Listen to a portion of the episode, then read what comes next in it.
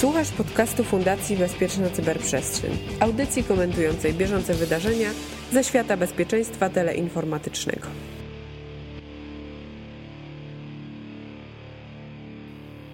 Sto trzydzieści siedem to trzydziesta trzecia liczba pierwsza.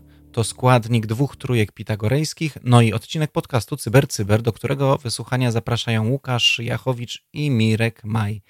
I teraz w sumie powinno się okazać, że znowu pomyliłem numerację. Nie no, ale jakby tak sobie pomyślałem, że jak jeszcze w środek byś tam w trójkę wsadził, mam nadzieję, że kiedyś się uda nam, jeżeli chodzi o odcinek podcastu, to jeszcze byś mógł coś powiedzieć.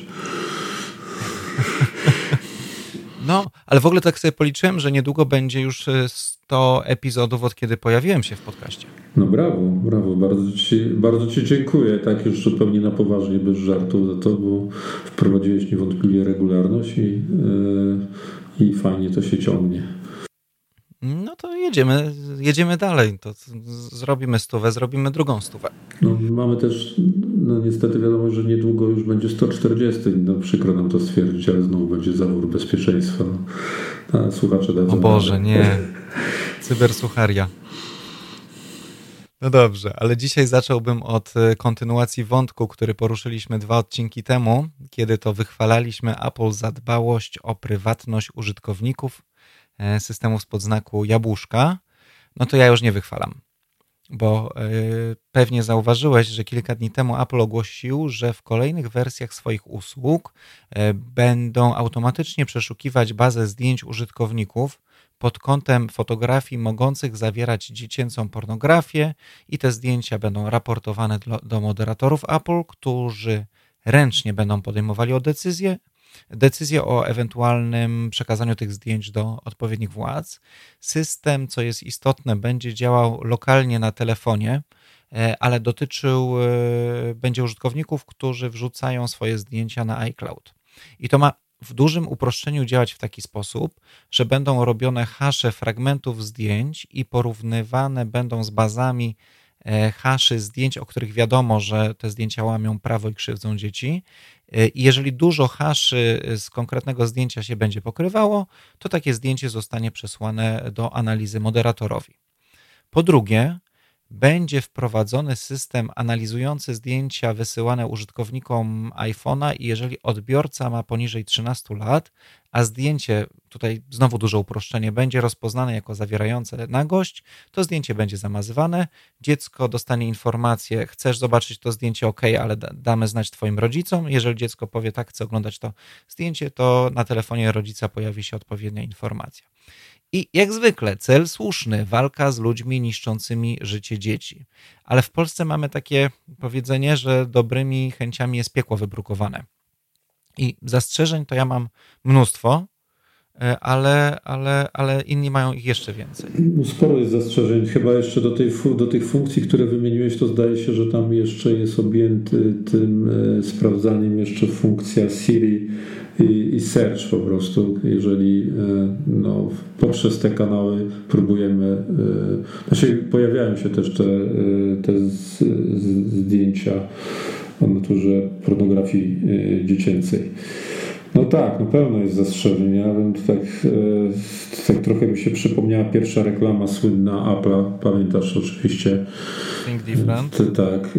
I no, ten rzut młotem który kiedyś był w Big Brother, no to tak jakby teraz cały, w całą koncepcję prywatności Apple'a, którą, na której bazowali duży fragment swojego biznesu i tym e, pokazywali, jak się różnią od innych, bo przypomnijmy tutaj dla jasności, e, a może poinformujmy niektórych, którzy jeszcze do tej, do tej pory nie słyszeli, że no, mówimy tutaj o funkcjach, tu, które mm, w innych miejscach już od dawna działają. Na, na przykład Facebook, chociaż działają, to też sobie zaraz wyjaśnimy, gdzie działają, no ale fe, Facebook, gdzie są, tak, zaimplementowane. Czy Google, czy Facebook, czy Twitter, to już od dawna e, prowadzą taki e, scanning aktywny treści, które do y, ich przez, zarządzanej przez nich przestrzeni w, wpada i dokonują takiego aktywnego sprawdzania. Jak wiemy, no, na przykład Facebook nie tylko zdjęć, prawda? To, są, to jest bardziej, znacznie bardziej zaawansowany monitoring o, o charakterze cenzorskim, tak? no nie, nie wchodząc tutaj w, rozważania na temat tego, co, gdzie i, i dlaczego powinno albo nie powinno być cenzorowane. No i ja się na cenzurę Facebooka załapałem. E, zupełnie absurdalnie, ponieważ kiedyś zostałem oskarżony przez Facebooka o promowanie narkomanii. No właśnie, i, i tutaj mówisz. O, I nie dało się odwołać. No tak, i mówisz tutaj o, o jednym przykładzie, dlaczego mogą być kłopoty, że mogą wpadać w to. Znaczy, te algorytmy mogą się mylić, tak? Ludzie, którzy to oceniają, też trochę mogą się e, mylić, ale tutaj tych scenariuszy naruszeń różnych e, i prywatności, i pewnych takich no jakby kwestii wokół tej prywatności można sobie wyobrazić sporo. No często też jest podawany ten przykład, że, że to będzie potencjalne dobre narzędzie do dy, dyskredytacji niektórych osób w momencie, kiedy e, no nie no ktoś zdosuje na iMessage e, kogoś takiego, prawda, z takimi zdjęciami. E, I przy, przy przy włączonej usłudze, przy włączonej, włączonej automatycznie usłudze iCloud, no to zaczyna się kłopot. No ja, ja tak tylko sobie pozwolę zauważyć, że kiedy robimy zdjęcia i każdy z nas robi ileś zdjęć, Apple ma sporo użytkowników, to e, już e, jeżeli mamy dużo zdjęć, to mamy bardzo duże podobieństwo false pozytywów i to jest tak z czysto matematycznego punktu widzenia i ja tutaj nie teoretyzuję, tylko bazuję na analizach mądrzejszych ode mnie. To jest duże prawdopodobieństwo, że każdy z nas kiedyś się załapie na to, że jego zdjęcie, e, które on ma w telefonie, akurat tak się złoży, że tak no, będzie miało, będzie zosta, zostanie rozpoznane jako takie, które może zawierać kontrowersyjne treści, czy kontrowersyjne, no obrzydliwe treści. No, nie, to nie, nie czarujmy się, to jest obrzydliwy rynek y, ludzi, którzy wykorzystują dzieci. I y, chciałbym, żeby to, to jasno zostało powiedziane. Fakt, że nie podoba mi się y, sposób walki z tym, nie oznacza, że w jakimkolwiek sposób no, popieram ludzi, którzy tego typu zdjęcia robią i dystrybuują, bo to jest po prostu no nie, no bardzo nie. Ale, ale ta znowu próbuje się zrobić technologicznie coś, czy wprowadzić mechanizm, który służy do przeglądania zawartości danych na telefonach użytkowników i mechanizm, który, no tak jak wspomniałem, ma służyć dobrym celom, ale który jednym przestawieniem wajchy będzie mógł wyciągnąć informacje, dajmy na to, uznane za związane z terroryzmem. E, a przypominam, że e, to, co gdzieś jest uznane za terroryzm, to, to, to, to są na przykład informacje o podkładaniu bomb, ale w innym miejscu terroryzmem jest każda próba obalenia rządu na przykład przez działalność opozycyjną. No dokładnie tak, bo to jest znaczy, to chyba największy problem. Znaczy, ja to bardzo nie lubię, bo to jest takie po prostu stawianie pod, pod murem e, tych, którzy chcą e, wyrażać krytyczne opinie. E, w momencie, kiedy tak takie, takie, funkcje, takie funkcje się, tak, takie funkcje się wprowadza i od razu się mówi, oczywiście walczymy. Na, na początek najlepiej dać oczywiście pornografię dziecięcą, no bo to, no proszę bardzo, kto jest przeciwko? No, y, odnotujmy tutaj, prawda, Łukasz Jachowicz, Mirosław Maj są przeciwko zwalczaniu y, pornografii dziecięcej. To, to można łatwo się nadzieć zaraz po prostu na, na y, takie interpretacje I, i to jest trochę takie nie fair. Natomiast w związku z tym Dobrze, że podajesz inne przykłady, dobrze, że podajesz przykłady e, takie dla nas nie, często pod, przedstawiane jako niebezpieczne, no bo niestety ci wielcy też mają na, na sumieniu na przykład różne okazuje się dziwne ustalenia, które z, z niektórymi państwami na świecie po to, żeby na tym na rynku na przykład chińskim zaistnieć, e, wprowadzają. I, i trochę te rozwiązania są inne w różnych miejscach świata i okazuje się, że zaraz może się okazać, że żeby funkcjonować na rynku chińskim, no to jak rząd chiński się dowiedział, że jednak można e, pewne rzeczy już sprawdzać, bo Apple do tej pory twierdził, że nie można, w ogóle technologicznie to jest wy, wykluczone, no to jak można, no to dobra, no to chcecie tutaj być, no to, no to, to jeszcze musicie dla nas dać nam szansę sprawdzać e, to i to.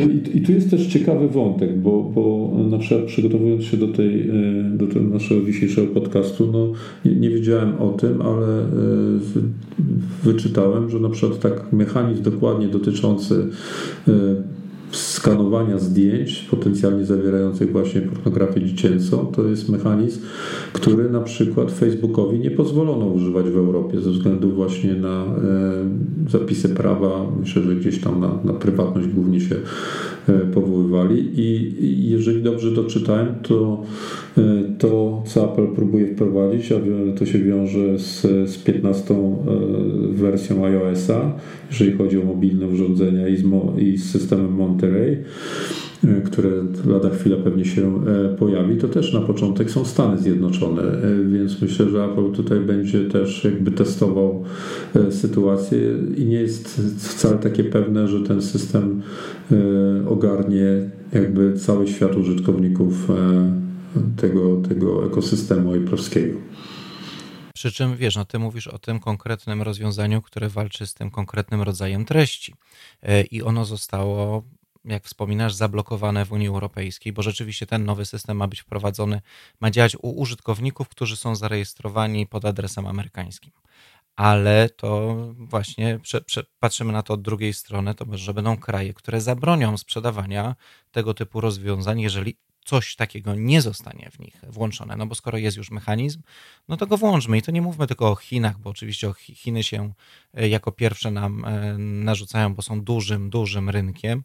Nie mówmy o Rosji, no bo cały czas mówimy o Rosji, e, ale powiedzmy sobie na przykład o Indiach, który które też mają dosyć interesujące podejście do wolności słowa. Powiedzmy sobie o. Um, czekaj, bo akurat wypadło mi z głowy, o kim sobie no mieliśmy taka powiedzieć. Lista, taka lista jest długa. No taka no, lista krajów, i to krajów, które są dużymi ręka, tak. To nie jest taka Białoruś, która jest malutkim krajem, więc można ich olać. No, pewnie moglibyśmy zsynchronizować, tak sobie przypomniałem, z, z te dwa odcinki wstecz z, z tą listą krajów, które aktywnie e, zaczęły e, używać e, Pegasusa, a producent nawet nie wiedział, że używają tak trochę prześmiewczo mówię, ale to w dużej części może się y, pokrywać ta lista z tymi, którzy będą mieli specjalne pomysły na użycie y, tej technologii. No ale generalnie w ogóle znalazłem Łukasz ciekawostkę, bo okazuje się, że znalazłem taki artykuł ze stycznia 2020 roku, czyli już sporo czasu, w którym było sprawozdanie z jakiejś konferencji, gdzie Privacy Officer, Chief Privacy Officer Apple'a, Jane Howard, mówi wyraźnie, my stosujemy e, techniki sprawdzania zdjęć, skanowania zdjęć pod względem właśnie wyszukiwania treści o charakterze pornografii dziecięcej. Okazuje się, że być może to jest w ogóle starsza sprawa, tylko teraz w jakiś oficjalny sposób dopiero wypłynęła. Może stosowali to nie wiem, w sposób eksperymentalny i tak dalej. Nie, nie, nie badałem tego dokładniej, ale mam na pewno taki e, artykuł, możemy zamieścić go w komentarzu do tego podcastu, w którym można sobie e, poczytać o tym. Co ciekawe, sprawdzono jeszcze, że rzeczywiście chwilę wcześniej e, zmieniła się polityka prywatna prywatności Apple'a, w której pojawiły się e, takie prawo dla e, właśnie e, Apple'a do tego, żeby takie, takich sprawdzeń dokonywać, więc coś jest na rzeczy. To jest ciekawy wątek, który jakby nie zgłębiłem, ale wygląda całkiem prawdopodobnie. Czy generalnie to też jest częściowo odpowiedź na pytanie, które często do mnie trafia, dlaczego ciągle chodzę z dużym aparatem fotograficznym, zamiast korzystać z tego wbudowanego w telefon? Bo robi lepsze zdjęcie. Korzystam, ale moim zdaniem ten duży robi lepsze zdjęcia. Jest to prawdą. E, a skoro już e, tak zahaczyłem o Białoruś, to bardzo ciekawa rzecz się pojawiła ostatnio na Twitterze. Białoruscy cyberpartyzanci włamali się do serwerów MSW i milicji na Białorusi. Ściągnęli, i teraz będzie długo, co ściągnęli. Ściągnęli bazę danych wszystkich obywateli, ich dowody, znaczy, zdjęcia, krótko, adresy. Ściągnęli wszystko. Ale to są to ciekawe to rzeczy, które ściągnęli. Jak Chuck Norris ściągnął internet na, na dyskietkę, nie ściągnął internet na dyskietkę, no to generalnie ci cyberpartyzanci białoruscy ściągnęli y, cały system informatyczny. Ale jakie ciekawe rzeczy w nim są. Nie wiem na co ściągnęli, bo to też ciekawe, bo trochę tam tych danych było. No, No właśnie, no bo ściągnęli na przykład tam, to, że ściągnęli adresy, to każdy wie, że mogli ściągnąć adresy, ale ściągnęli adresy ludzi, które, których adresy są zastrzeżone, ponieważ e, ci ludzie współpracują z KGB. Ale kij z tym, nawet jakby tego nie ściągnęli, to inne rzeczy ciekawe są fajne. Na przykład ściągnęli bazę, z której można e, wyczytać, kto donosił na kolegę z pracy za noszenie krawatów zakazane tradycyjne białoruskie e, barwy narodowe. Ściągnęli pełną bazę milicyjną, w której jest dostęp do kamer, zdjęć, akt milicjantów. Nagrań, tak. Nagrań. Ściągnęli bazę Plutonu IT. To są ci, którzy zajmowali się dystrybucją nagrań z torturowania opozycjonistów. E, co więcej, e, ściągnęli dane pozwalające na podejrzenie tych ludzi z Plutonu IT webkamami i ściągnęli całe terabajty nagrań z podsłuchów. Od razu e, informuję, że wydawałoby się, że tam powinny być tylko podsłuchy związane z, z opozycją, no ale siłą rzeczy znalazły się też podsłuchy, no jak, jak, jak szeroko sieci milicja zarzuciła, to nagrała też swoich. Więc tego typu ciekawostki się tam znalazły. Wszystko, ale Łukasz, powiedz mi, bo ja się, ja się zastanawiam, to jest ciekawy przypadek, który z jednej strony jest no, niesamowity, tak? A drugi tak patrzę, że no, tak jak powiedziałeś, no, tam na Twitterze coś się stało, ale taki przypadek to dla mnie to jest, no nie wiem, no, pierwsze pierwsze, umownie mówiąc, strony y, z jakichkolwiek serwisów informacyjnych, cokolwiek to znaczy, no to może być nagranie radiowe, no bo, no bo, ale z drugiej strony, jak to w ogóle jest możliwe? Wyobrażasz sobie, raz, że to jest w jednym miejscu, ale dobra, to jestem w stanie y, uwierzyć, a teraz masz nagle dostęp, nie wiem, do 100 terabajtów, 200, 300, nie wiem. I teraz na co oni to ściągnęli? Ile czasu to trwało? No bo to... No, trwało parę miesięcy, bo Aha. wiemy, że, I nikt że, tego nie zauważył. Przez parę miesięcy po prostu masz transfer danych, wysyce, no, no chyba nie, nie zrobili sobie tam zarządzania łącza i sobie przyznali tylko 2 mega. A w sumie czemu nie? No w sumie mogli, tak? No musisz, że aż tak wyrafinowani e, byli. Dla mnie ten case cały jest trochę podejrzany. Jakby Netflix przestał działać w, w, białoruskim MSW, to by się ludzie kapnęli, że coś nie Wiesz co, mi to bardziej e, no jakiś, jakiś jednak na jakiegoś insidera troszeczkę tu pachnie, tak? Bo że ktoś przyszedł z macierzą i zbierał coś, wszystko lokalnie. Coś tutaj takiego, no bo wiesz, bo trochę mi to trudno sobie wyobrazić już tak nawet technologicznie. To jest możliwe oczywiście, no możemy sobie powiedzieć, że to jest możliwe. Natomiast raz, że wszystko w jednym e, miejscu, no nie, sądzę, że znaczy pewnie gdzieś tam nie, zale, nie, nie zaliczyłbym Białorusi do, do jakby takich krajów, w których wierzę, że wszystko jest metodycznie, procesowo, organizacyjnie i decyzyjnie poukładane w systemach IT administracji e, publicznej, ale z drugiej strony też nie, nie, nie powiedziałbym, że nie obstawiałbym mocno, że, że jest tam kompletna pustka pod, pod tym e, względem, więc no tak szerokie ściągnięcie tych danych, tak, taki dostęp jest dla mnie trochę, trochę podejrzany. I znaczy, oprócz tego, że oczywiście e, no, wszelkie próby do tej pory udowodnienia, uwiarygodnienia prawdziwości tego faktu no, są e, pozytywnie zweryfikowane, bo, no, bo tam jak dopytywali ich o to, czy o jakieś konkretne rekordy i tak dalej, no to wykazywali się, że rzeczywiście je mają. Ale bardzo ciekawy przypadek. Nie, nie, zastanawiam się, jaki on, czy on jakąś dalszą historię będzie miał, bo tak jakby się kompletnie nikt nie, nie przejął tym, a to jest w ogóle, no wiesz, no ściągnąłeś całą, całą cyberbiałoruś, no właściwie, no to z punktu widzenia administracji publicznej, tak? No tak to trochę wygląda, a w szczególności tą najbardziej e, no, istotną z punktu widzenia tak, bezpieczeństwa państwa, prawda? Ale w ogóle to jest e, ciekawe. Ciekawe, czy się po pierwsze dowiemy, bo są takie sugestie, że to Białoruś może stać za ostatnimi wyciekami e, wiadomości e, wykradzionych kont pocztowych polskich polityków. E, pytanie, czy może coś na ten temat się znajdzie w tej bazie.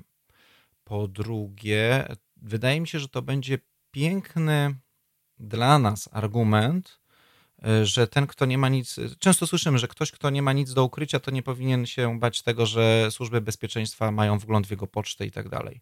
No nie, bo się może okazać, że potem wgląd w Twoją pocztę, Twoje hasła, Twoje konta będzie miał, no, włamywacz. Dokładnie tak. Tak po prostu. Tak. I to dotyczy też pierwszego przykładu mm, Apple'owskiego, prawda? Dzisiaj te, też ten, kto nie ma nic do ukrycia, nie powinien się obawiać, a tam trochę z innych powodów może się okazać, że zaraz ma się czego, e, czego obawiać. No, a skoro już jesteśmy przy ciekawych y, transferach y, danych, to y, kilka dni temu zaskoczyło świat zniknięcie z platformy Network kryptowalut wycenianych na 600 milionów dolarów. To taka już konkretna suma. To, to, to nie jest takie włamanie, które. To, to nie jest suma, która może przejść niezauważona i inwestorzy tam dorzucą, żeby to pokryć. E, ponad pół miliarda dolarów ktoś ukradł e, błyskawicznie.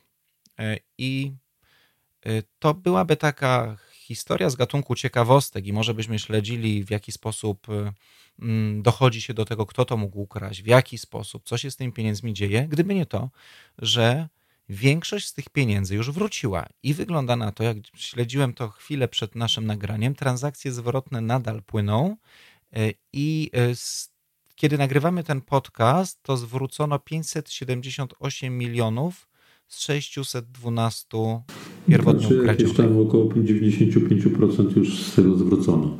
Tak. Włamywacz zatrzymał sobie 33 miliony USDT. Porządny to gość, tak, naprawdę. Tak, to, to, no, no, dokładnie, nam sobie prowizję zostawił. Ale co ciekawe, to są te, to jest ta kryptowaluta, która jest powiązana bezpośrednio z dolarem amerykańskim, to raz, a po dwa została ten akurat jego portfel USDT został wpisany na czarną listę. I w niektórych komunikatach towarzyszącym transakcjom zwrotu, bo jak wysyłasz e, transakcję kryptowalutową, w niektórych, w niektórych miejscach masz możliwość dopisania swojego message'a, e, sugerował, że odda to, oddaje to wszystko pod warunkiem, że skradzione przez niego USDT zostaną odblokowane i będzie sobie mógł na Bahamas z nich powydawać. I generalnie są dwie teorie. Włamywacz twierdzi, że on od samego początku planował oddać te pieniądze, e, a zrobił ten wielki skok, dlatego że chciał zwrócić uwagę na złe zabezpieczenia Network. No to to akurat mu się udało, cały świat o tym usłyszał. Nie, nie udało się tego zakopać pod dywan. A druga teoria jest taka, że e, to był tak bezczelny skok, że wszyscy zaczęli go śledzić i te pieniądze ciężko by było przeprać w taki sposób, że bezpiecznie je wykorzystać. Więc y, w momencie, kiedy cały czas świat patrzy mu na ręce, to on stwierdził, że w takim razie jednak to odda, bo i tak y, nie ma pojęcia, co z tym zrobić, jak wykorzystać sobie ten, ten nagły przychód.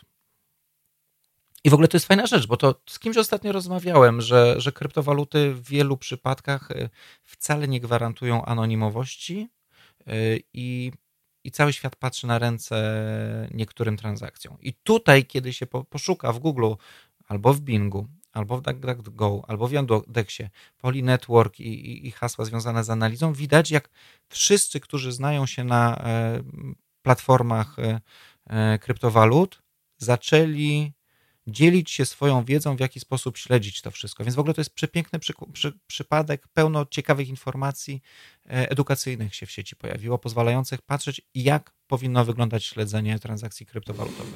No tak, a tak na taką skalę od razu właśnie wyzwolił, wyciągnął na wierzch to, co powiedziałeś, te, to, że okazuje się, że to, ten świat kryptowalut z punktu widzenia anonimowości trochę inaczej wygląda. Mnie zaskoczyła właśnie pod tym względem informacja, bo okazuje się, że są już e, firmy, które się czysto specjalizują w tym, żeby właśnie te, te, tym bezpieczeństwem i, i pewnie takim reagowaniem na incydenty, mówiąc tym też często używanym językiem, E, tylko w świecie kryptowalut się zajmują tym. No i one na przykład potrafiły w tym przypadku ustalić e, konto pocztowe, adres IP i co ciekawe, to najciekawsza moim zdaniem dana, czyli ten e, device fingerprint, prawda?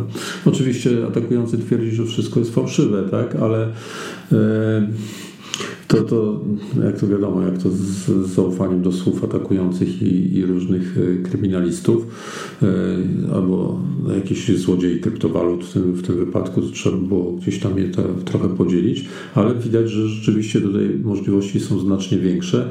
To jest tak, mówiąc, wracając jakby do, ogólnie do tego przypadku, no, no strasznie duża kwota, 600, e, tam kilkanaście milionów dolarów. Największy chyba taki case, jeżeli chodzi o właśnie zdecentralizowane waluty, których co ciekawe w ogóle szok dla mnie. Łukasz, ile jest rodzajów kryptowalut na, w tej chwili w obiegu? A ja jestem na bieżąco, bo ostatnio zajrzałem do swojego. Przypomniałem sobie, że miałem portfel kryptowalutowy na jakiejś giełdzie e, i zajrzałem do niego, i tam się okazało, że jak ja go założyłem, to tam miałem, nie wiem, bitcoina i coś tam jeszcze do wyboru, a teraz tam jest jakaś taka strasznie długa tabela tego wszystkiego. Słuchaj, 7800, no po prostu spadłem z krzesła. Co ale to w ogóle... ktoś to kupuje. No, ktoś to kupuje, ale to właściwie... Się nie ma co śmiać, to trzeba się zastanawiać, jak oni to robią, że udaje im się to sprzedać. Nie, no właśnie dlatego chciałem powiedzieć, że dla mnie ten case, no, no tak, no jest, to, jest to raz, że to jest no, case ciekawy, no bo technologia, przełamanie jakichś, e, wykazanie słabości jakichś tam systemów i tak dalej, no, tym się zajmujemy, tym opowiadamy e, w podcaście. Natomiast e, no, dla mnie to cały ten świat to jest właściwie no, takim jednym wielkim kasynem gry i mnie to generalnie nie dziwi, że w kasynie gry dochodzi do przekrętu, bo możemy sobie wiele filmów obejrzeć w telewizji na, na ten temat i pokazać, jak działają tam różne mafie i, i też pewnie przychodzą ludzie, którzy chcą po prostu uczciwie sobie pograć, zabawić się i tak dalej. Oni są pewnie na przykład tymi użytkownikami kryptowalut, którzy liczą na to, że, że to im trzy siódemki wyskoczą po prostu e, za tydzień i tak dalej. Więc ja to tam tym się bardzo jakby nie, nie przyjmował. Ja myślę, że to jest bardzo ważne. Tylko pytanie, na ile on to, to dociera na przykład do tych, którzy akurat w tym przypadku nie stracili pieniędzy. E, dociera takie, te, taka, i taka świadomość u nich rośnie, że po prostu za chwilę może im się to stać. No ale jak się ktoś siedzi cały czas na, na tym stołku przy, przed automatem, no to, to nie powinien się dziwić. No. Znaczy, ja przede wszystkim chciałbym podkreślić e, dwie sprawy. Po pierwsze, e, użyłem słowa, że ktoś ukradł kryptowaluty wyceniane na 600 milionów dolarów, a nie warte 600 milionów dolarów. E, bo to jest istotne rozróżnienie. A po drugie, chciałbym też podkreślić e, to, że e, fakt, że sobie przypomniałem o tym, że miałem pieniądze na jakiejś kryptogiełdzie, to źle po wielu latach to źle świadczy o mnie, ponieważ właśnie jeżeli ktoś z Was, myślę, że wszyscy, którzy z Was interesują się bezpieczeństwem no tak, ładnie. No to tak, dbamy o tajemnicę. Więc podkreślić, że jeżeli nie wykorzystujecie w danym momencie tych e, funduszy, trzymajcie je na portfelu offline, a nie, na, nie w kantorze, bo z kantoru one właśnie mogą zniknąć, a z waszego portfela programowego czy sprzętowego. Sprzętowy portfel kosztuje 300 zł. To, to nie jest jakiś wielki wydatek. E, to jest e, zdecydowanie trudniej te, te pieniądze ukraść, czy wirtualne pieniądze. Swoją drogą czy te, te, portfele sprzętowe, musimy chyba kiedyś kogoś zaprosić, kto dobrze ogarnia temat kryptowalut, bo dla mnie to jest y, rzecz z pogranicza magii, że te portfele sprzętowe, kiedy je zgubimy y, i mamy listę 24 słów, to i tak jesteśmy w stanie odzyskać ich zawartość. To są po prostu czary. No. Ja chciałbym, żeby ktoś to w przystępny sposób wytłumaczył. Jakaś dematerializacja portfela i materializacja na podstawie Twojej wiedzy. To ciekawy proces. To prawda. No dobrze, to co? 137 odcinek podcastu za nami. Dziękujemy za wysłuchanie. Jeżeli masz mało, zapraszam po odcinki archiwalne, które publikujemy na stronach Fundacji Bezpieczna Cyberprzestrzeń, na stronie YouTube'a, no i wrzucamy je do Twojej aplikacji podcastowej. Żegnają się z Wami Mirek Maj i Łukasz Jachowicz. Do usłyszenia. Cześć.